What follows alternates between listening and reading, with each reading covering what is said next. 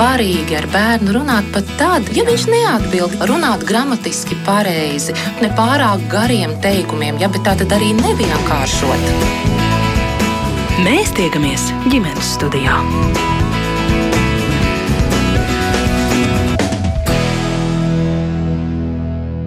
Labdien, rādījums ģimenes studiju sāk savu skanējumu. Tā producents Sarmīta Kolāta, mans vārds ir Agnes Linka.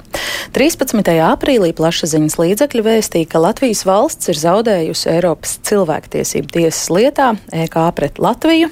Kāds tēvs apgalvoja, ka Latvijas valsts iestādes nebija pienācīgi reaģējušas uz bērnu mācību pretošanos, viņam noteikto saskarsmes tiesību izpildēja ar bērniem, nav saulēcīgi veikušas visas nepieciešamās darbības, lai nodrošinātu spriedumu, ar kuru noteikts iesniedzēja saskarsmes tiesības ar viņu bērnu izpildi. Latvijā ir vēl daudzi simti un iespējams droši vien tūkstoši bērnu un vecāku, kuru tiesības uz savstarpēju saskarsmi netiek ievērotas. Kāpēc tā mēs mēģināsim skaidrot šodien ģimenes studijā, un sarunas dalībnieki būs tiesības sarga biroja bērnu tiesību nodaļas vadītāja Laila Grāvera. Labdien! Labdien! Arī Rīgas bāriņtiesas priekšsēdētājs Aivars Krasnogolovs ģimenes studijā šodien sveicināti, un zvērināts advokāts Latvijas Universitātes juridiskās fakultātes pasniedzējs Mārcis Krūmiņš šodien šodien ar mums kopā ģimenes studijā telefoniski. Sveicināti, dzirdat mūs? Da. Jā. Es sākšu ar tādu lūgumu pēc jūsu katra īsa komentāra par šo Eiropas cilvēktiesību tiesas spriedumu, ja vispār tiešām var lūgt.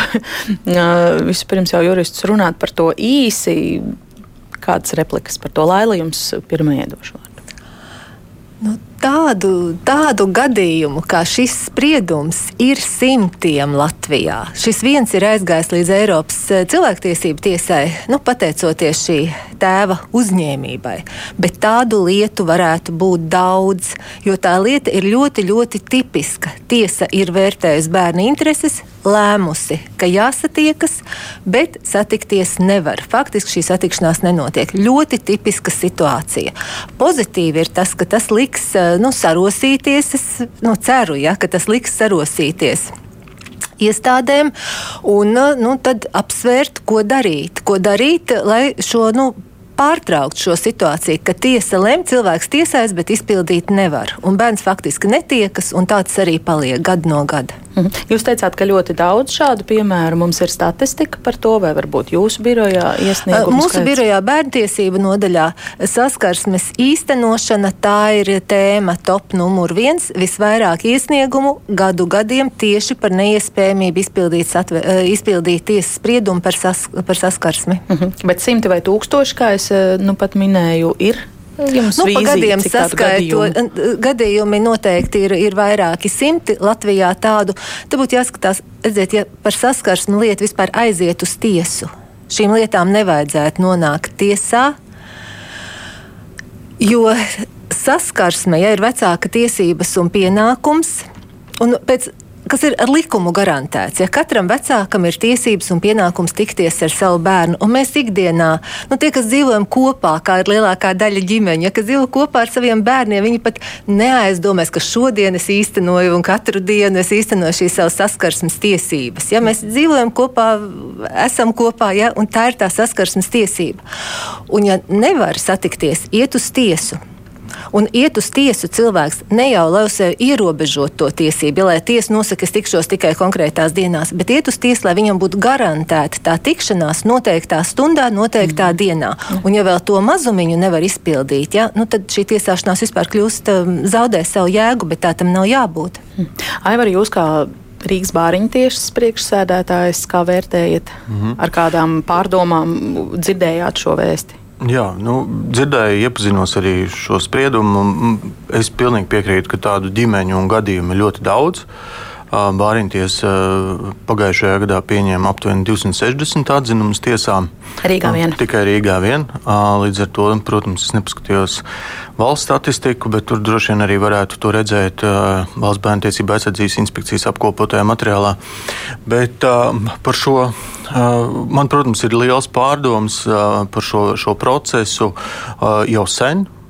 Un jau senāts 2018. gadā vērtējot Bāriņtiesas lēmumu par aizgādības tiesību iespējamo pārtraukšanu vecākam dēļ ļaunprātības nepildot tiesas nolēmumu, faktiski lielā daļā jau šo ir vērtējusi ļoti daudzus aspektus, kas ir arī šajā, šajā nolēmumā, spriedumā, kas ir no Eiropas cilvēktiesību tiesas. Un jāsaka, ka nekas īsti nav mainījies. Un, un arī 2020. gadā bija konference inspekcijas bērnu tiesību, un tur es arī minēju tieši šos pašus jautājumus par procesa ātrumu, ka tam ir jābūt zibenīgam, ka tam ir jābūt pēc iespējas ātrākam, lai kontakts bērnam ar vecāku nepazustu ar to, ka nedzīvo un tā tālāk. Un, un arī pagājušajā gadā arī šo es aktualizēju un ar vien vairāk un vairāk aktualizēju. Bet ko jūs gribat pateikt? Es gribu pateikt to, ka, ka faktiski šobrīd mēs, pa, mēs iekšā, iekšienē profesionāļi par to visu laiku runājam, bet, um, kā jau arī Grāvers kundze teica, nekas nemainās. Iespējams, ka šis cilvēktiesību tiesas spriedums ļaus uh, sakustēties uh, šām mūsu bažām un arī šobrīd nu, pievērsīs lielāku uzmanību un sāks, sāksies iespējams kādas tādas nu, pārmaiņas, kas būtu vērstas tieši uz procesa skaidrību, līdz ar to arī tā ātrumu. Mm -hmm. nu, ja daudz par to profesionāļu vidē ir runāts, tad varbūt koncentrātu esenci varat pateikt, kam jāmainās. Ātrumam pilnīgi noteikti. Ātrumam, kam? procesa Kā ātrumam. ātrumam. Procesa ātrumam. Nu, no procesu brīža, kāds vecāki... virza, ja, piemēram, Grāvers kundze teica, iestādēm būs jāsarosās. Jā, protams. Kurām? Noteikti politiskajiem veidotājiem. Jo šeit ir runa par. Jā, es, ne, es neteiktu politiķiem. Proc, politikas veidotāji konkrētajā situācijā varētu būt Labklājības ministrija, kā no bērnu tiesību jautājumiem, tā arī Tieslietu ministrija, kas būtu atbildīga tieši par civiltiesību jautājumiem. Un šī sistēma, kas ir izveidota un salīdzinoši jauna, viņa tomēr nav sevi apstiprinājusi un viņa nestrādā tā, kā viņai būtu jāstrādā, kā viņa bija iedomāta pašā sākumā. Labi, cerams, ka vēl varēsim padebatēt par šo. Krūmiņkungs, jūsu īsais komentārs par ECT spriedumu. Jāsaka, uzreiz, ka nu, īsi laikam ir grūti pateikt, bet tas, ko iepriekšējā runātāja teica, un kas parādās faktiski jau valsts institūciju darbā, ir tas, ka sistēma īsti nedarbojas. Un tas, kas uh, tika pateikts Eiropas uh, šajā cilvēktiesību tiesas spriedumā, uh, norāda tikai to, ka mums ir jādarbojas daudz efektīvāk. Jo, ja katrs meklē, tā kā tas bija, teiksim, uh, Zēnā tiesa izpildītāju organizētajā konferencē, kur tieši arī vienā no sadaļām bija šis jautājums, tika skatīts tieši par bērnu tiesību un vecāku tiesību aizsardzību. Ja pat tiesa izpildītājs visu izdara, tad jautājums ir, kāpēc nevar tikties kāds no vecākiem ar bērnu.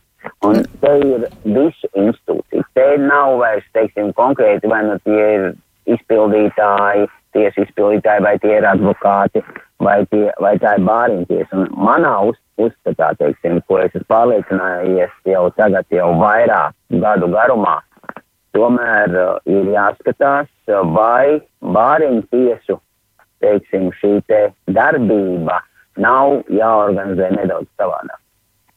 Jūs teikt, ka bāriņtiesas vājais posms šajā nē, sistēmā? Es, saku, vai, nē, pagaidiet, te nav vājā posma kā tāda.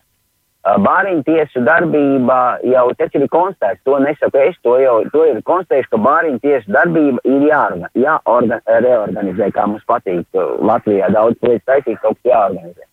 Bet tā ir tikai viena no sastāvdaļām.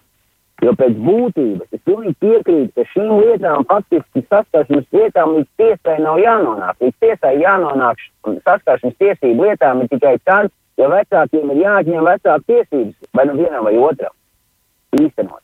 Tikai tad, visos pārējos gadījumos šai, šīm lietām nebūtu jānonāk līdz tiesām. Jo pēc būtības tā ir, tā ir, tā ir, tā ir nenormāla situācija. Nu, tā tad sistēma nedarbojas, visiem ir jāsarosās, nav vienas īsti atbildīgās institūcijas, atbildīgi ir visi. Un, un kurš īsti ir vājais posms, kāds man tomēr var pateikt? Tad? Es domāju, vājais posms ir vecāki, kuri nevar vienoties sava bērna interesēs par to, kā dzīvot tālāk pēc attiecību pārtraukšanas. Tas Aha. ir tas sākuma posms. Jo vecāki ir tie, kas zina, kā būtu vislabāk. Viņi ļoti labi paši zina, kā būtu labāk bērnam bet viņi savu eh, kādu, nu, grūti pateikt, katrā gadījumā kādu eh, motīvu vadīti. Lai ierieptu otram, lai panāktu lielākus uzturlīdzekļus, lai atrieptos par pārdarījumu, kāpēc kopdzīvi izjukusi. Ja? Ir šis te, ja tu no manis aiziesi, bērnu tu neredzēsi. Ja? Nemaksās nu. vairāk, bērnu tu neredzēsi. Un tas sliktākais signāls ir tas, ja kāds tā apņemas, bērnu tu neredzēsi, tad valsts nerīkojas, lai viņu apturētu un lai tā tas nenotiktu. Bet tagad ir tā, ja kāds ieņems savā galvā bērnu, tu neredzēsi, tad otrs vecāks bērnu arī neredzēs. Mhm. Nu jā, jūs runājat par individu līmeni, un tā lielā mērā ir droši vien saruna par psiholoģiskiem, emocionāliem uh, aspektiem ar psihologiem un speciālistiem, bet Eiropas cilvēktiesību tiesā ir zaudējis Latvijas valsts par nespēju nodrošināt vecākiem saskarsmes tiesības ar bērniem. Jā, un tad, kad veidoja to mehānismu, lai tā nenotiktu, lai ja ir tiesa lēmusi, ka, piemēram, satiksies ceturtdienās, sešos vakarā, tad lai tas arī tiktu izpildīts. Un tika ieviesti vienlaikus trīs mehānismi, kas ir izmantojami visi vienlaicīgi. Tas ir policija var uzsākt kriminālu procesu par nolēmumu nepildīšanu. E, tiesa var piemērot naudas sodu līdz pusotram tūkstotim eiro. Un bāriņtiesa var uzsākt lietu par aizgādības tiesību pārtraukšanu, ja kāds rīkojas ļaunprātīgi. Un likumdevējs domāja, ka zinot šo, ka tas viss, visi šie trīs. Nu, sankcijas, ja tā var teikt. Ja? Šie visi trīs mehānismi, šīs visas trīs sviras tiks efektīvi iedarbināts vienlaikus, ka neviens pat domu nepieļaus, ka viņš varētu nepildīt tiesas spriedumu, jo viņš zinās, ka iestāsies tas, tas, tas. Bet faktiski neiestājas nekas no šīm trim lietām, kas bija domātas. Mēs rīkojām sanāksmes ar, ar policiju, ar bāriņtiesām un ar ar tiesu. Ja? Un skatījāmies, un viens kā, skatās uz otru policija par kriminālu procesu uzsākšanu. Nu, ko tam mēs kriminālu procesu par tādu ja, saskarsmes lietu? Nu, lai bāriņties tur, tur rosās, ja tie galā. Nu, krimināla procesa nē, nē, nē. Bāriņties saka, aizgādības tiesības pārtraukt par to, ka nepilda. Bet bērnam tur ir labi, ja pāēdz emocionāli saikni, viss kārtībā. Aizgādības tiesības pārtraukt, nu nē, tas nav samērīgi. Ja? Tiesa par sodu 1500 eiro. Viņi piemēro 50 un pasaka, tam cilvēkam taču par bērnu jārūpējas, ja par bērnu padomāsim, kur pusotru tūkstoši ja tagad no ģimenes budžeta. Un faktiski nav nekas, un te ir tā visatļautība, jo nekāda seka nav par to. Mm -hmm. Bāriņtiesas pārstāvim būs komentārs. Vēl ceturtais, vēl ceturtais posms, ja nemaldos, bija tiesa izpildītājiem, ir tiesības arī iekļūt dzīvesvietā, piespiedu kārtā, lai īstenot saskarsmes dzīvesvietu. Tas bija pēdējais no pēdējiem, ka es nezinu, vai to īsteno vai nē. Nu, attiecībā par, um, par to vājo posmu man arī gribētos teikt, ka uh, tā transformācija no uh, partneriem uz vecākiem ir diezgan sarežģīta un grūta. Un bieži vien šīs laulības tiek šķirtas tieši šī iemesla dēļ. Un, un, un man arī gribētos teikt, ka tieši vecāki ir tie, un es negribu teikt, ka visi vecāki, tie patiešām. Tie patiešām tādi smagākie, var teikt, gadījumi nonāk arī līdz tiesai. Es piekrītu advokātu kungam par to, ka uh, nevajadzētu nonākt uh, šīm lietām līdz tiesai pat, līdz tiesai. Taču tad, kad viņas nonāk līdz tiesai, diemžēl ir sacīks princips, katrai pusē ir savs advokāts, uh, iesniegumi mums ir nedēļām katru reizi, sūdzības par visu, da par jebko, un, un principā tas, tas, tā, tās visas darbības, kas tiek veiktas no vecāku puses tajā strīda brīdī viņas nav vērstas uz atrisinājumu, bet gan mm. faktiski uz konflikta padziļinājumu un arvien lielāku teiksim, sarežģījumu. Jā. Es apzināti neiesāku šo sarunu un centīšos jūs vest prom no, uh, nu, no diskusijas par to, kāpēc cilvēki tā rīkojas, jo šeit ģimenes studijā tik tiešām bieži ir izskanējis apgalvojums, ka šķiroties un emociju ietekmē cilvēki kļūst neprātīgi un ļoti nežēlīgi tieši paši pret saviem uh, bērniem, mēs tomēr gribam runāt par iestāžu spēju kaut ko tajā darīt un tomēr aizstāvēt uh, šos sabiedrības vājākos locekļus. Un jā, ģimenes studija nav par politiku, ne tikai par likumdošanu vai juridiskām finesēm, tas ir arī par reāliem stāstiem. Tāpēc šobrīd mūsu sarunai piepulcēsies kāda māma, kuras vārdu, saprotam, iemeslu dēļ mēs nenosauksim. Viņa savus bērnus nav satikusi jau vairāk kā trīs gadus.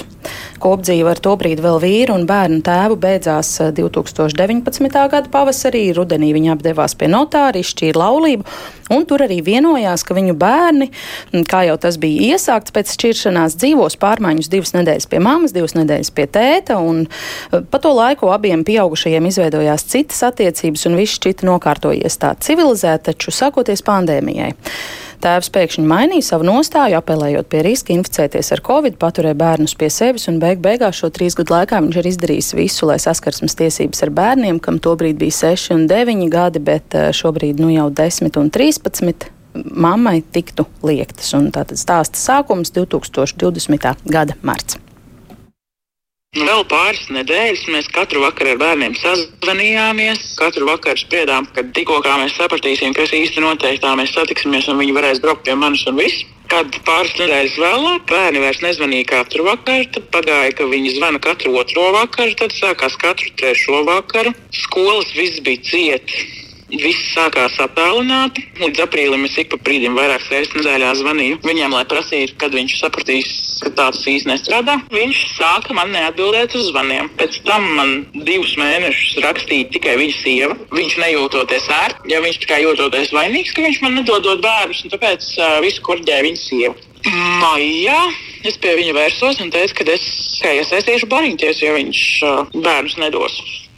Uz ko viņa sieva atkal gari un plaši atbildēja, ka pandēmija joprojām sit augstu vilni un ka jūnijā tā kā ārkārtas situācija taisās atcelt, tad varēs tikties un lai es neuztraucos, ka neviens nemēģina man atņemt bērnus, ka viss ir kārtībā. Bet es joprojām sarakstījos ar bērniem, sazvanījos un man tā kā vēl nebija uznākusi tā panika par to, ka man viņus nedod. Jūnijā saprotot, ka arī pēc ārkārtas situācijas atcelšanas, ka joprojām nekas nemainās, es vērsos pie jurista sastādījām pirmstiesas brīdinājumu par to, ka uh, divu nedēļu laikā viņam ir jāsniedz atbilde, kā viņš uh, risinās vienošanās laušanu un saskarsmes nenodrošināšanu, vai pretējā gadījumā es vērsīšos tiesā par saskarsmes noteikšanu tiesas kārtībā, kas ļoti iespējams bija mana kļūda, kas bija novilkusi tik ilgi.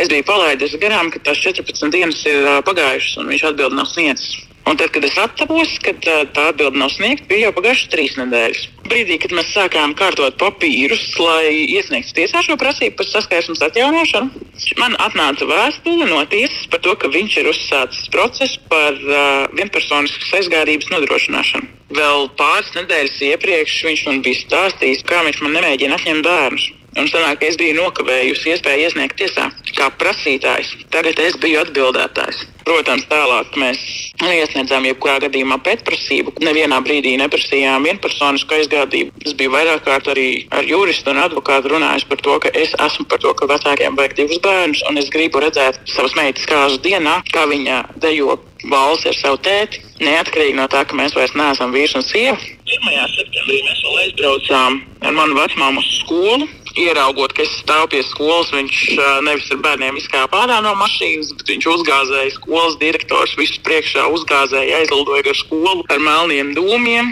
Pēc tam meitas klases audzinātāja viņam zvanīja, lūdzās, lai viņš atbrauc atpakaļ, ka neviens taču netaisās viņam darīt pāri, ka mamma ir tikai atnākusi satikt bērnus 1. septembrī. Oh, un ko pēc pusstundu garas lūkšanās no klases audzinātājas puses viņš atveda bērnus atpakaļ. Mēs tā kā pavadījām šo 1. septembri.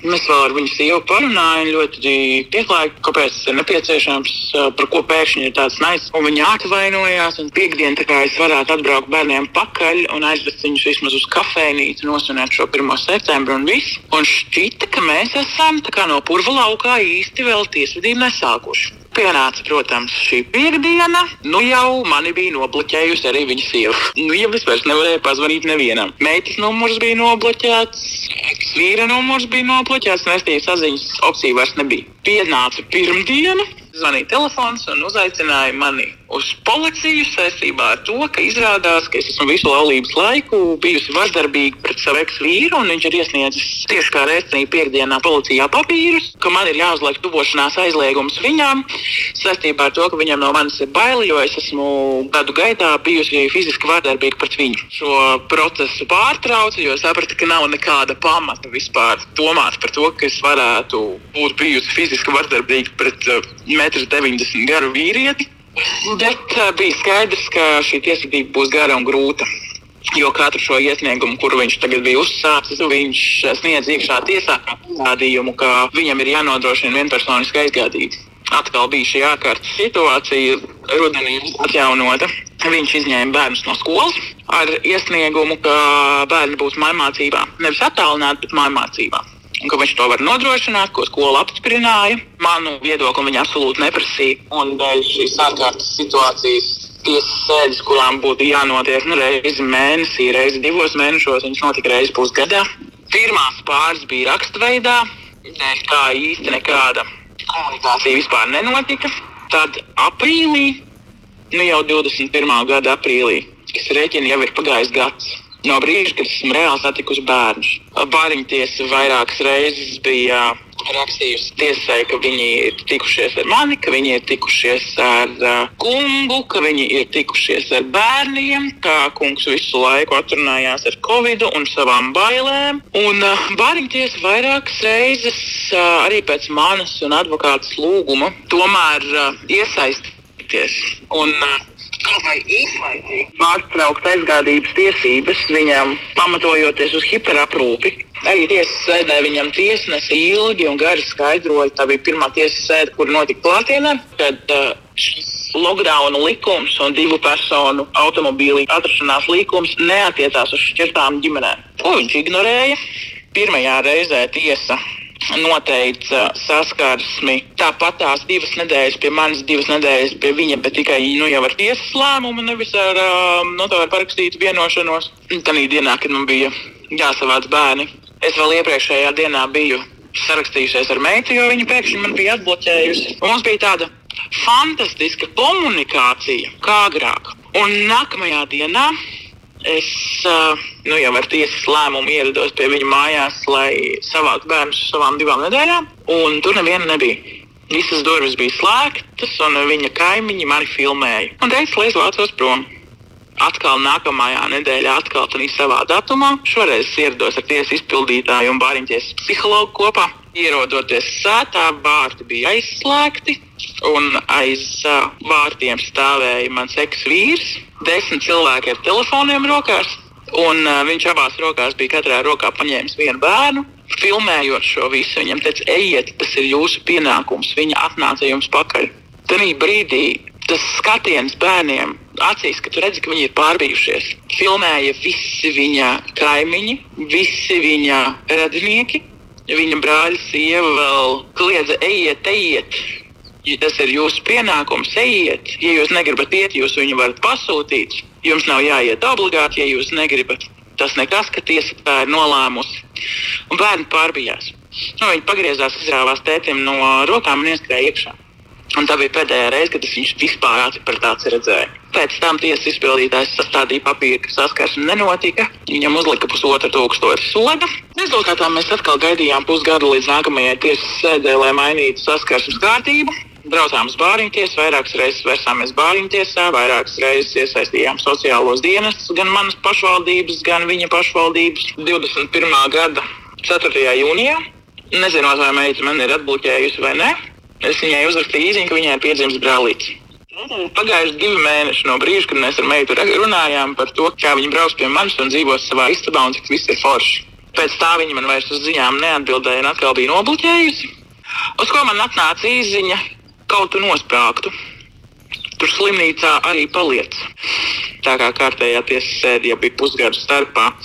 Šoreiz jau noteica, ka bērni ir nevis divas nedēļas pie manis un divas nedēļas pie viņa Bet tā kā ir pārāk ilgs laiks pagājis, un nu jau bērni negrib mani satikt, visās iepriekšējās reizēs gan ar psihologu bāriņtiesas runājot, un visus papīrus kārtojot, un ar sociālajiem dienestiem sadarbojoties, bērni teica, ka jā, viņi grib mani satikt, un dēls bija teicis, ka viņš grib dzīvot pie manis. Meita atkal bija teikusi, ka viņa grib dzīvot pie tēta, jo viņai visi draugi ir tur. Bet uh, no tā brīža atkal pagājušie mēneši. Bārīties kārtējo reizi bija veikusi pārunas ar bērniem kur nu, jau puika pateica, mamma mani pameta. Viņai mani nevajadzēja. Viņai bija vairāk bail no covid nekā gribējās satikt mani. Tēvs savu stāstu daļu bija pagriezis pret mani. Manas pašvaldības bāriņties neko nevarēja izdarīt, pēc ka bērni ir deklarēti Rīgā un Rīgas bāriņties atbild par viņiem. Rīgas bāriņtiesē mēs vērsām uzmanību uz to, ka tur tev nav jābūt augstākajai izglītībai, es nezinu, psiholoģijā, lai tu saprastu, ka bērns ir ietekmēts vai ne. Uz ko Bāriņties atbildēja, mēs apsakojām tēva dzīves vietu. Bērniem viss ir nodrošināts, jauns remonts, visas mantas, visi apavi, viss. Viņiem ir silti, viņiem ir pilns leduskapis. Mēs neredzam pārkāpumus. Mēs to pārsūdzējām jau augstākās instancēs. Tiesa šo Bāriņtiesas lēmumu lauza, atzīstot, ka viņš ir nekorekts. Nu, viņi nevar šo situāciju atstāt tā, kā viņi ir. Bāriņties pārskatījis šo savu lēmumu. Šajā jaunajā lēmumā viņi uzrakstīja, nu, jā, ka tēva rīcība ir uh, nekorekta, ir uh, maksimāli ātri jāatjauno saskarsme, ka viņi piedāvā saskarsmes grafiku, ka bērni trīs dienas nedēļā ir pie manis. Viena nedēļa, trīs dienas darba dienās, viena nedēļa, divas dienas darba dienās un divreiz mēnesī brīvdienās. Tiesa to ņēma vērā un šo lēmumu pieņēma, bet katru reizi, kad es braucu uz viņa īpašumu, saņēmu bērnus, adresē neviena nebija. Un tikai viņa kaimiņi mani filmēja. Nu, protams, kārtējo reizi caur tiesas izpildītājiem mēs rakstām tiesai un rakstām bāriņu tiesai. Šī saskarsme nenotiek, tēvs neievēro saskarsmes kārtību, kas ir noteikta ar bāriņu tiesu, nu, un tiesas apstiprināta. Un kārtējo reizi viņam sūtīja brīdinājumus, uz ko viņš sniedza atbildi, ka viņš nedos bērnus, tāpēc, ka viņam ir tapis zināms, ka es dzīvoju eksploatācijā nenodotā ēkā. Un ka viņš netaisās apdraudēt savus bērnus, ja viņus uh, vedīs uz būdu. Tad brīdī mēs atjaunojām ēku, kur mēs nopirkām. Nu, un, uh, viņš bija pievienojis bildes no mūsu mājas, no pilnīgi visiem rakursiem. Ar katru safotografētu logu, kurā deg gaisma, kurā nedeg gaisma, cikos atver logu, cikos aizver logu. Bija reāli baisi. Kārtējo tiesas sēdi no pusgada pārcēlus uz septiņiem, astoņiem mēnešiem. Pienākot nākamajai tiesas sēdē, uzrakstīja, ka viņš nevar šajā tiesas sēdē ierasties. Jo tad viņam tas, tad viņam citas, tad viņam nav kur bērnus likt, jo izrādās 11 gadnieku un 9 gadnieku nevar atstāt. Un uh, tādā veidā viņš nebija ieradies ne uz vienu tiesas sēdi līdz šī gada martam. Saskarsme netika ievērota nereizi. Vēl vienu reizi bija viena tiesas sēde pagājušā gada oktobrī. Nu jau kārtējo reizi bērni bija saukti uz bāriņu tiesu runāt. Un, uh, viņi teica, ka viņi vienkārši man vairs negrib nekad dzīvē satikt, jo viņi man neieradās, pēc tam viņš pameta. Viņš šo tiesas sēdi neieradās, bet uh, tiesnesis piekrita, ka tā kā bērni nav redzējuši māmu jau divus ar pusi gadus, un nu, jau viņi strikti pateikuši, ka viņi viņu negrib redzēt. Ka nu jau bērns man ir jāsatiek bērntiesas telpās divreiz mēnesī. Viņš neveda bērnus pie šī bērntiesas psihologa, uzrakstīja iesniegumu augstākajai tiesai, lai atceļ tiesnesi, kas mums ir civillietā. Jo viņš uzskata, ka viņa ir uzpirkta, uzrakstīja iesniegumu bāriņties augstākā padome, lai noņem inspektori, jo inspektori ir uh, neatbilstoša un strādā manā labā divus ar pusi gadus pēc tiesas procesa uzsākšanas. Viņš uzrakstīja policijā iesniegumu, ka izrādās esmu bijusi vardarbīga pret bērniem no jau. Bērni vienmēr ir bijuši netīri, nekopti, nēduši. Jāatzīst, ka mēs dzīvojām kopā, un uh, vairākas reizes šos viņa iesniegumus policijā atcēla. Par tiesas lēmumu nepildīšanu viņam bija bijuši trīs brīdinājumi, kas arī ir pilnīgs absurds, jo Latvijas tiesas sistēmā nav tādas opcijas kā trīs brīdinājumi par tiesas lēmumu nepildīšanu. Tāda vienkārši nav. Bet tāpēc, ka bāriņties katru reizi, kad tiesa vērsās pie bāriņties, bāriņties visas reizes atbildēja, mēs neredzam pārkāpumus. Tēvs ir pārāk vienkārši nedrošs. Bet viņš jau nav ļauns, viņš jau neko sliktu nedara. Viņš vienkārši nesaprot, ko viņš dara. Tad nu, šoreiz viņam uzlika sodu. Es biju arī noteikusi psiholoģisko ekspertīzi. Nu, jau nevis vienkārši ar bāriņties psihologu, bet reālo tiesu medicīnisko ekspertīzi, kuru es izgāju nākamajā nedēļā pēc tam, kad viņa noteica. Eksperts uzrakstīja, ka no manas puses pārkāpumus viņš nekādus neredz. Arī zināšanas man ir atbilstošas saistībā ar bērnu aprūpi un audzināšanu. Nav pamata, ka man vajadzētu pārtraukt aizgādības tiesības. Tāpat laikā viņa ekspertīzes slēdzienā ir uh, noteikts, ka nu, bērnu ekspertīzes slēdzienā ir noteikts, ka bērni runā tēva vārdiem, viņiem nav savu viedokļu, viņi izvairās runāt par māmu. Bez tam nav sakara ar bērnu atmiņām par vardarbību, bet tas ir iemācītas atmiņas. Un, nu, to ir atzīmis tiesu eksperts. Tēva ekspertīzē atkal ir uh, noteikts, ka viņam ir tikai no grāmatām savāktas zināšanas par bērnu aprūpi, kuras viņš nemāca pielietot dabā. Viņa gadījumā vienīgais, kā viņš var mēģināt panākt šo vienpersonisko aizgādību, ir velkot laiku kas viņam ir izdevies. Nu, jau trīs gadu laikā, no dienas, kad bērni gribēja pie manis, jebkurā dienas laikā, jebkurā brīdī, Viņi vairs negrib vispār dzirdēt par to, kas eksistē. Nu, respektīvi, viņš ir savu panācis. Un šobrīd bērni ir tādā vecumā, kad nu, jau viņiem ir tiesības izvēlēties un tiesības negribēt satikt.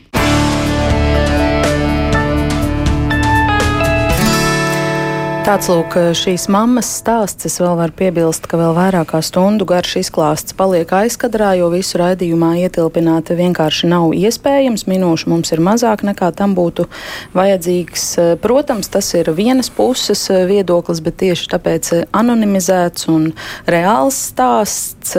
Nu, vēl vakar saņēmu ziņu no šīs sievietes, ka bijusi paredzēta kārtējā tiesas sēde, uz kuru bērnu tēvs nav ierodies, jo šoreiz ir sasirgusi viņa advokāta. Tomēr kopumā tās stāsta fabula ir skaidra, ka ir mamma, kurai ir visu atbildīgo institūciju lēmumu par to, ka viņa drīkst un ka viņai vajag satikties ar saviem bērniem. Viņa to ļoti vēlas, un, un tomēr vairāk kā trīs gadus nav uh, bijis iespējams tas, un neviens, es uzsvēršu, neviens viņai nav varējis uh, palīdzēt šīs tiesības uh, realizēt. Nu, tiešām nevar saprast, vai uh, krimināla romāna vai drāmas vai, vai, vai abu kopā cienīgs stāsts, kā tas vispār var norisināties mūsu tiesiskajā valstī. Un, teiksim, vai no tā, ko jūs dzirdējāt, jums eh, kaut kur ausis aizķērās, nu kurš tad būtu varējis izdarīt kaut ko citādi, kura iestāde varēja rīkoties efektīvāk?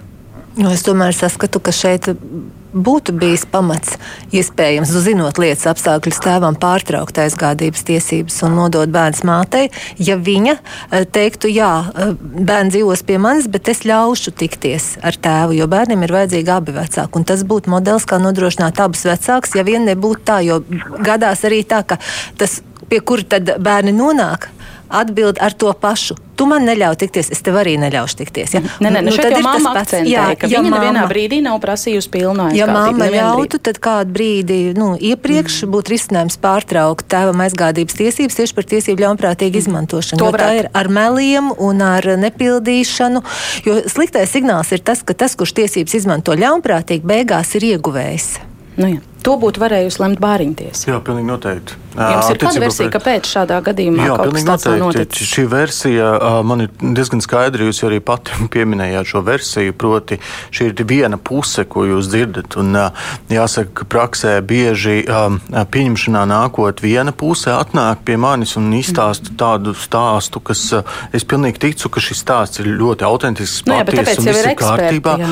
Un tad atnāk otrs vecāks, kurš izstāsta to stāstu no savas puses kur viņam ir tieši tādi paši pamatojumi. Un te ir tas sarežģītākais elements par to, ka faktiski abām pusēm ir taisnība, viņu mm -hmm. taisnība. Ja? Jā, jā, bet fakti paliek, piedodiet, ka es jūs pārtraukšu, jo es zināju, ka, būs, kā, ka šāda būs atbilde. Bet, piemēram, zvērnāts tiesu izpildītājs uzliek jā. sodu to var, tu, tu, par, par saskarsmes tiesību nepildīšanu. Nu, tā tad tur ir tai vienai pusē tā taisnība, tā otra puse jau jā. tiek sodīta. Jā, pilnīgi noteikti. Iespējams, ka tās varētu būt kā variants, proti E, izpildēji. Taču ir vēlreiz vērsīšu uzmanību 18. gadā, kur skaidri un gaiši ir noteikts, ka sprieduma izpilde, lēmuma izpilde, nolēmuma izpilde, viss, ko tiesa pieņem, ir jānodala no aizgādīs tiesību pārtraukšanas. Mm -hmm.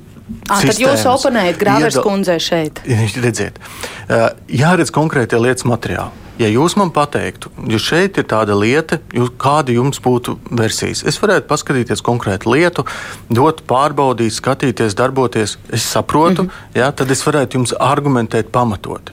Šobrīd es nevaru jums argumentēt, pamatot. Es runāju no visu lietu ietvara. Mm -hmm. Un, protams, ka tad, kad jūs sakat, ka, piemēram, bāriņtiesai būtu pamats pārtraukt, tad bāriņtiesa vērtē ne tikai vienu stāstu, ne tikai otru stāstu, ne tikai viņa kopumu vērtē. Un es esmu pārliecināts, ka Bāriņtiesa ir vērtējusi šajā lietā.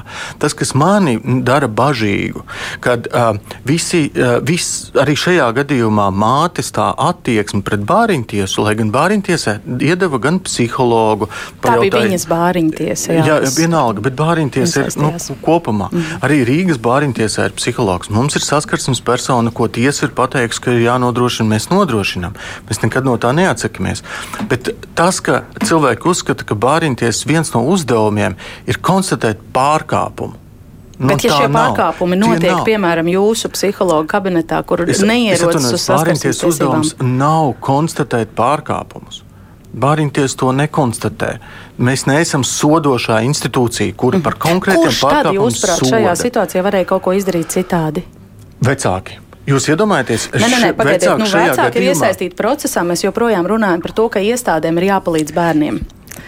Jā. Es varbūt par šo varētu. Viņu vienreiz Tad piemērot to sodu, un kā par brīnumu varam dot vārdu, jā. 1500 tiešām liela nauda. Bet tas ir par to nepildīšanu. Viņš nepilda pēc nedēļas, viņam atkal var sodu piemērot. Plus krimināla procesa uzsākšana. Ja? Sankcija pusotrs tūkstotis var būt ļoti bieži un ilgi.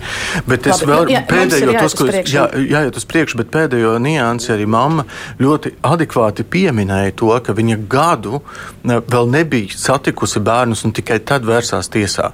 Tas, tas kā mans redzējums būtu, kad viņi negaidot gadu, faktiski būtu jāatrisina šis Viņi jautājums. gadu bija vienojušies, un gadu viss strādāja. Divas nedēļas un divas Bet viņa teica, ka viņa nedēļas. pē, gadu nebija jau redzējusi bērnus, kad viņai jau tētis bija vērsts pieteikumu tiesā. Jūs mēģināt pateikt, ka mamma izdarīja nepietiekami, Nē, es tā neteicu. kaut ko vajadzēja vecākiem Man, darīt. Mana citādā. doma bija tāda, ka šajās situācijās pie laulības šķiršanas vai pie partneru šķiršanās, kad viņiem ir kopīgs bērns, jau tajā brīdī valstī būtu jāiesaistās un jau tajā brīdī kaut kas jārisina, jāpalīdz vecākiem kopīgi atrisināt šo Nu, strīdu. lai tajā brīdī bija. Covid, un valsts risināja jau tiesas rīkojot rakstveidā. jā. Krastīnkungs, ko jūs eh, domājat, klausoties mammas stāstītajā un kolēģi teiktajā? Nu, nekas jums ir jums ir nu, labi. Vienalga. Jūs dzirdat mani? Piedodiet, jā, jūs, protams, esat Mārcis. Krūmiņš. Viss ir kārtībā. Tātad es eh, šajā stāstā varbūt tās saklausīju pat trīs lietas. Pirmā lieta ir sekojošā. Es saprotu, lielāk viena no problēmām Bāriņa tiesa mainīja savu viedokli. Kāpēc viņi mainīja? Tas ir, protams, sīkāk skatāms konkrētajā lietā, bet tas parāda tikai to, ka Bāriņa tiesa sākotnēji uh, īstenoja, klausoties vai no viena vai otra puses, neskatoties uz bērniem, pēc tam tika mainīts viedoklis par labu bērniem. Ko, ja godīgi sakot, tad es gribētu redzēt visās lietās, ka mēs runājam par bērniem, nevis par kāda no vecāku interešu aizstāv, aiz, ko, ko starp citu lietās var redzēt. Tāpēc arī varbūt ir jā, šī reorganizācija nepieciešama, jo bāriņties uzdevums pamatā šajās lietās ir tomēr bērni, nevis vecāki. Otrs, kas attiecās uz sodiem, jā, es pilnīgi piekrītu tiesību uh, sarga biroja pārstāvē par to, ka soda var likt tik pa nedēļai virsū. Un jautājums, cik ilgi tad viņš būs gatavs, tas cilvēks, nav svarīgi teikt vai mamma, maksāt. Kurš neliek Nāk- tos sodus ik pa nedēļai, un kurš varētu to Nu, darīt? Tas ir tas jautājums, ka tas ir tieši jautājums, jo sodas liek tiesa. Neviens cits to uzlikt nevar. Jautājums, kam tas ir jārosina, vai to kāds no vecākiem, tad redziet, ir, ka vecāks to dara, sūdzās un tā tālāk, tur ir argumenti tiesā, bet varbūt tas ir bērniņties jautājums, jo bērni intereses ir šajā gadījumā skats, jo bērnam tiek liekta iespēja tikties ar vecāku, kaut arī viņš to vēlas. Un tad ir nāk, otrs, eh, nākošais jautājums ir par kriminālu procesiem. Par to, ka netiek pildīts tiesu nolēmums.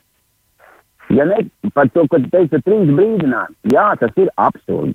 Tas ir pilnīgi absurdi, jo pie šīs, un tad ir jautājums, kas tad vecāki, vecāki par to nevar atbildēt. Jautājums bāriņu tiesa, jautājums, vai bāriņu tiesa iestājās, ka jā, jā, jādod vēl lielāks sots par šo te, jo citā mēs redzam, mehānisms nestrādā.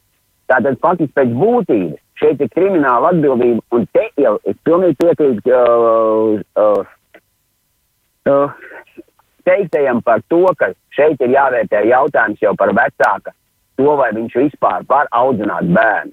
Jo citādi iznāk sekojuši, ka tieši tā, ka tas, kurš pārkāp, tas iegūst kaut kādas pozitīvas lietas.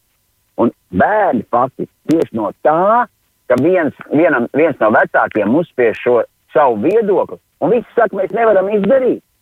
Nu, tad pasakiet, sistēma nav kārtībā. Tad nu. bāriņties pasaka nestrādā. Piedodiet, jā, tas varbūt skan ļoti skarbi, bet šajā situācijā bāriņu tiesa manā uztverē ir bērna interesēs un nevis vecāku. Un ja netiek darīts, redzot šo situāciju, tā ir problēma. Un tad ir vēl viena lieta, kas ir manā uztverē ļoti, ļoti sasāpējusi. Varbūt tās šie bāriņties pārstāvs varēs pateikt, kā tas tiek risināts, jo es zinu, ka Rīgā vismaz man tāda informācija nonākusi, kad uh, vecāki nevar staipīt vairs bērnus pie psihologiem. kad ir psihologi, kur strādā ar bārīties, un vecāki nedrīkst taipīt, un psihologi šajā situācijā nedrīkst, nedrīkst dot šos atziņus, jo citādi iznāk tā, ka bārīties nozīmē viens no vecākiem kā šeit aiziet, otrs aiziet vai neaiziet, tas, ir, tas jau ir cits jautājums, un tad kāds no vecākiem sāk taipīt bērnu pie psihologa, kas faktiski ir pilnīgi aplams. Nu jā, te gan šai stāstā, manuprāt, gan bija runa par bāriņtiesas konkrēti psihologiem vai arī A, tiesu ekspertiem. Jā. Klāt, tas, tas no manis, kad šajā situācijā, ja bāriņtiesa nozīmējas, tad nākošais, nu, nu konkrēti, es nesaukšu par lietu, bet ir situācijas, kuras es sastapies, uh, bārīties nozīmē psihologu, uh, psiholoģisku izpēju abiem vecākiem. Jā. Viens aiziet, otrs nē. Un pēkšņi bārīties saka, nē, tas, kas aizgāja, viņ, viņam nekad pie viņa paliek bērni. Piedodiet, nu, ja viņš nav aizgājis un izdarījis to, ko liek, tad viņam ir kaut kāda atbildība. Izrādās, ka nav. Bet tā pavisam īsi, konspektīvi no tā, ko jūs, teiksim, dzirdējāt, vai šajā piemērā ir eh, kaut kas eh, vai kāds, kurš varēja kaut ko izdarīt eh, citādāk?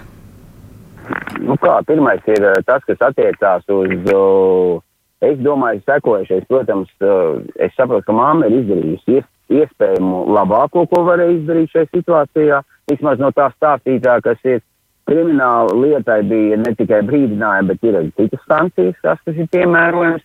Un nākošais ir uh, bāriņties rīcība par to, ka tēvs ietekmējis ir bērnus vistīrākā veidā. Vai it īpaši, ja vēl ir neatkarīgi psihologi, pie kam, cik es saprotu, tas jau ir uh, ne tikai psihologi, bet psihiatru atziņu, atzinumu, ka tas tā ir noticis. Vai šādam, vai šādam cilvēkam nav svarīgi teikt, teikt vai mamma, viņam bērnus. Nu, ja Latvijas valsts ir tam gatava, nu, tad mēs tā turpināsim dzīvot. Jā, par to procesu novilcināšanu runājot, arī vairākās vietās ieskanējās, ka process ir diezgan novilcināts, un tieši tas ir mm, bērnu tēvam ļāvis rīkoties tā, kā viņš ir rīkojies un panācis, panācis kaut kādu rezultātu, teiksim, procesu novilcināšanu, tur uh, bērnu viedokļa ietekmēšana un viltus apsūdzības vardarbībā. Tie ir izplatīti instrumenti. Tas ir kaut nu. kas, pret ko ir iespējams darboties. Diemžēl tas ir ļoti izplatīti. Ļoti izplatīti, un tas, tā, tā ir problēma, kas ļoti saistīta. Es runāju par bērnu viedokļu ietekmēšanu, jo bērna psiholoģiska ietekmēšana tā ir emocionāla vardarbība pret bērnu. Un psihologam to konstatējot, būtu jāraksta, nu, vai tam arī psihologam ir pienākums, bet tikpat labi katrs no vecākiem var rakstīt policijai iesniegumu, lai uzsāk administri administratīvā pārkāpuma lietu par emocionālu vardarbību pret bērnu, jo psiholoģiski ietekmēšana ir sodāma. Tas mm. ir viens. Otrs, vecākam ir pienākums, civil likumā noteikts pienākums nenoskaņot pret otru vecāku. Tātad vecāks aizgādības tiesības savas arī ir pārkāptas. Arī ir pamats bāriņu mhm. tiesai vismaz vērst vecāku uzmanību, ka šāda rīcība nav pieļaujama, ja, un runāt ar vecāku par to. Uz, uz šo bieži netiek uz to reaģēts. Jo tas ir vispār zināms fakts, ka pie kura vecāka bērns dzīvo, tā viedokli Protams, viņš jā, pamazām jā. pārņem. Mans jautājums ir, vai pret šiem eh, rīkiem ļaunprātīgi izmantotajiem ir kaut kāda iespēja pretdarboties? Ir. To pašu tātad eh, tiesa izpildītājs var par katru reizi sastādu aktu sūta tiesai par sodu, un nevis vienreiz, bet katreiz katreiz vērsties policijā par kriminālu procesu uzsākšanu, par bāriņtiesas lēmumu, tiesas lēmumu nepildīšanu, eh, par emocionālu vardarbību pret bērnu uz policiju par eh, pārkāpumu. Eh, var bāriņtiesa nosūtīt, ko ļoti reti izmanto, ir bāriņtiesai tiesības nosūtīt vecākus un bērnu pie speciālista, piemēram, uz ģimenes psihoterapiju, nosūtīt visus, kas saka, ejiet pie speciālista un atrisiniet savu attiecību problēmu. Mm. Tā kā ir risinājumi. Un šeit bija, kas novilcināja laiku, tie solījumi. Viņi jau būtībā ar viltu, ja viss būs kārtībā, pagaidi vēl to, viss būs kārtībā, ja, un nekas nebija kārtībā. Mm. Bet ir mehānisms tiesai pagaidu regulējums saskarsmes lietās ir jāpieņem mēnešu laikā. Tā kā neļauj tikties, prasīt pagaidu regulējumu mēnešu laikā jāpieņem. Protams, problēma var rasties ar izpildi, jo tas nav atrisinājums, bet ir arī noteikti godprātīgi cilvēki, kas, ja tiesa lēma, tie pildīs. Mm -hmm. Jums ir kāds arī rezumējošs komentārs? Jā, es uh, pilnīgi noteikti gribētu ienest vēl vienu uh, ļoti svarīgu spēlētāju šajā visā procesā, un tā ir juridiskā pārstāvība. Uh, mēs, uh, kā bāriņtiesu, bieži vien jau pie procesa sākuma redzot, kurš advokāts pārstāvēs konkrēto personu, jau zinām konkrēti, kādas būs sūdzības par vārdarbību. Uh, pēkšņi tēvi kļūst par seksuāliem barmākām, uh, mātes pēkšņi kļūst par uh, šausmīgām sitējām, daudzītēm, un mēs jau redzam, ka zvērnāta advokāta darbība ir ļoti kopēta un ļoti līdzīga. Un Bērnu tiesību aizsardzībā, Bāriņtiesā Rīgā vismaz zvērnāta advokāta nav nemaz tik daudz. Mēs viņus diezgan bieži saredzam un redzam, bet šī juridiskā palīdzība, diemžēl, arī nav vērsta uz to, lai bērni interesēs atrastu kopīgu valodu. Un, tieši pretēji mēs redzam, ka procesi paildzinās. Piemērs.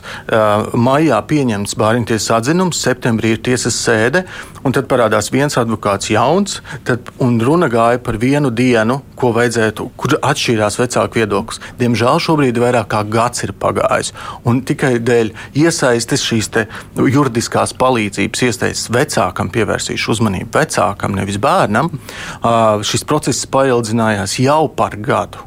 Ja, un, un, un, un tēvs tā arī neredz savu bērnu. Diemžēl tā ir tā realitāte. Jo atlika lietas trīs reizes, tiesa ir atlikusi. Un šādu gadījumu ir diezgan daudz. Un kurš tad šajā gadījumā ir tas bezspēcīgais? Nu, Nezinu, es tri, visas trīs reizes biju tiesas sēdes zālē, bet īsi pirms tam man teica, ka sēde nenotiks. Nu, tad jums nav tad, tad viedokļa, kā dārziņā metīsiet akmeni? Es nevienu nemetīšu dārziņā. Es jums pateicu Nē, tā, tā faktu, kā, kā ir. Tā vienkārši ir. Ne? Nē, tā, šeit ir vai, vismaz diskusija sākt par to. Mēs arī redzam tieši to pašu, ka advokātiem ir savas schēmas pagaidu aizsardzību pret vardarbību, un tas ir ļoti slikts signāls, ka šis labi domātais līdzeklis tiek izmantots ļaunprātīgi. Bet to noteikti ļoti grūti pierādīt, jo katram ir pienākums ziņot, ja viņam ir aizdomas. Ja? Un, nu, bija vai nebija tās aizdomas. Un tas parāda arī, ka netiek pienācīgi nopietni reaģēts tur, kur tiešām ir vardarbība, jo pastāv šie. Nu, Kā ir lieta, civilieta, tā ir šis piemērots, lai atsvešinātu bērnu no vecāka. Mm -hmm. Kromīkums? Jā, es gribēju teikt, sekojošo. Man ir, uh, diemžēl, bet man ir jāpiekrīt tam viedoklim, kad ir, es arī redzu atsevišķu kolēģi, es nesaku visu, un nevar, ne, neteiksim man paldies uh, uh, Bāriņties pārstāvjiem par to, ka arī norādīja, ka aktīvisti, jā, tas ir jautājums, kā to atrisināt. Es pilnīgi piekrītu. Jums ir pilnīgi taisnība, kad ir redzams no, no malas, jo es arī, kad eju šajās lietās, es arī esmu viens no tiem, kas iet lietās, uh, es plus mīnus jau paredzu, kas notiks tālāk. Bet un, tas ir, piedodiet, ētikas jautājums, vai tur ir tiešām kaut kādas izmaiņas normatīvajos no, aktos likumdošanā? Te, ir faktiski tas kopējais jautājums jārisina, jo, ja bāriņtiesa šo redz, ka tas tā notiek, varbūt ir kaut kādi mehānismi nepieciešami, kas to aptur. Jo Piemēram? Redz, nu, es neesmu domājis, es, es vienkārši tagad runāju par to, ka mēs esam sākuši par to diskusiju. Es esmu gatavs diskutēt par to, jo pilnīgi taisnība un sabiedrībai tas jāzina, ka to redz. Jautājums ir, kā to risināt, un tad visi saka, nē, nē, es nē. Bet, bet kā risināt? Es šodien es jums nevaru pateikt, bet to, pat to, kad iespējams ir jā, jā, jādod iespēja tai pašai. Redziet, nu, tas bāriņties jautājums, ko es, ko es minēju. Piedodiet, ka varbūt pat drusku pa daudz, bet uh, Tie cilvēki, kas rūpējas un kam ir jārūpējas par bērna interesēm primāri. Un ja viņi redz, ka šāda situācija ir, tad jautājums ir, kāda viņam ir dota iespēja reaģēt. Un es, man liekas, ka viņiem nav šādas iespējas pareizi. Tātad izmaiņas ir kaut kur nepieciešamas. Es to nemitīgi no jums sadzirdu. Bet, jā, jā, bet, ir, ir, ir nepieciešams. Bet kurš tās virzīs un, un, un kurā līmenī, kur tām jānotiek?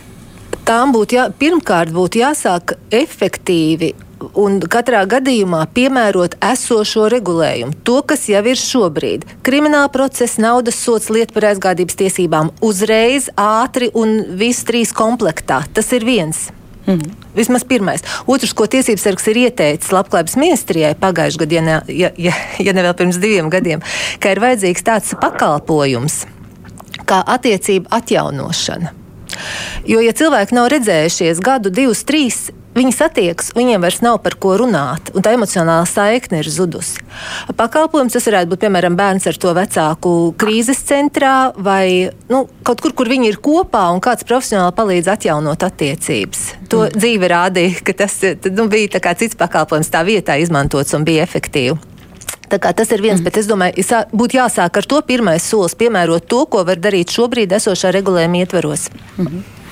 Jā, protams, par aizgadīs tiesību pārtraukšanu mēs arī savulaik dēļ ātruma nepild, nevi, ne, nevis nepildījām, bet uzskatījām, ka nav jāpiemēro viens bāriņties likuma pāns par to, ka mums ir jādod pie aizgadīs tiesību pārtraukšanas lietas noteikts termiņš, novērst trūkums un tā tālāk, kas paildzina procesu faktiski pa divi, trīs mēnešus priekšu, ja, taču šobrīd ir viss mainījies un mums tomēr tas jāpiemēro.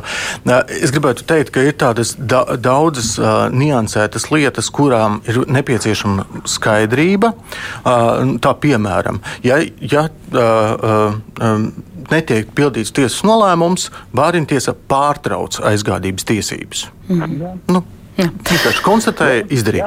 Bet es par to pakalpojumu vienu mirklīti. Rīgas bāriņtiesa ir saņēmusi finansējumu arī no, no Rīgas domas un piedāvās desmit ģimenēm gan pirms tiesas, gan pēc tiesas uh, pakalpojumu, kas tieši domāts šiem gadījumiem. Un, un mēs ļoti ceram, ka pēc gada varēsim jau runāt par kaut kādiem rezultātiem, lai to īstenot arī jau nākotnē. Un, un mēs ceram, ka tas arī palīdzēs ģimenēm. Nu, plašāk nekā desmit ģimenēm. Jā. Tiešām dažas minūtes mums vēl palikušas. Ļoti, ļoti īsi es gribu iezīmēt aspektu, par ko noteikti diskusiju vēl turpināsim kādā no nākamajām reizēm.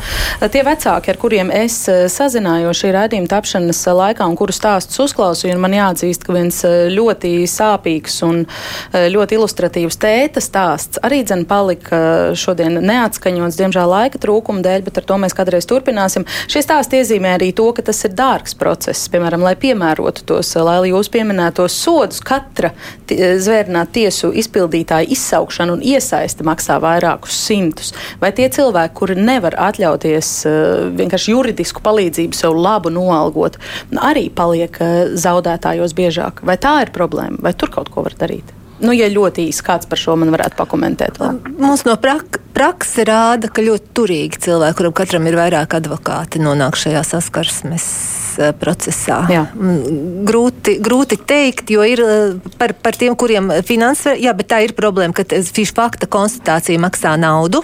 Jā. Tā tas ir.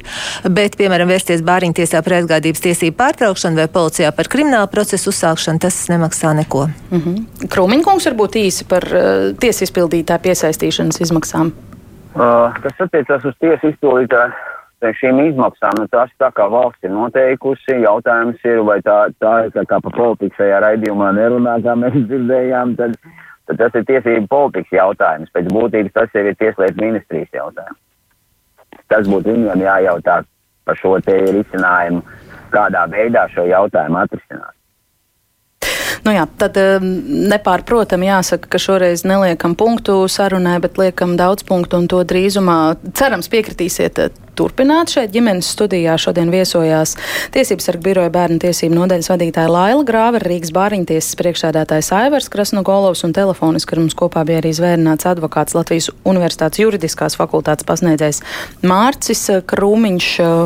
Klausieties mums arī podkāstos, mobilajā lietotnē un sekojiet ģimenes studijai sociālos tīklos.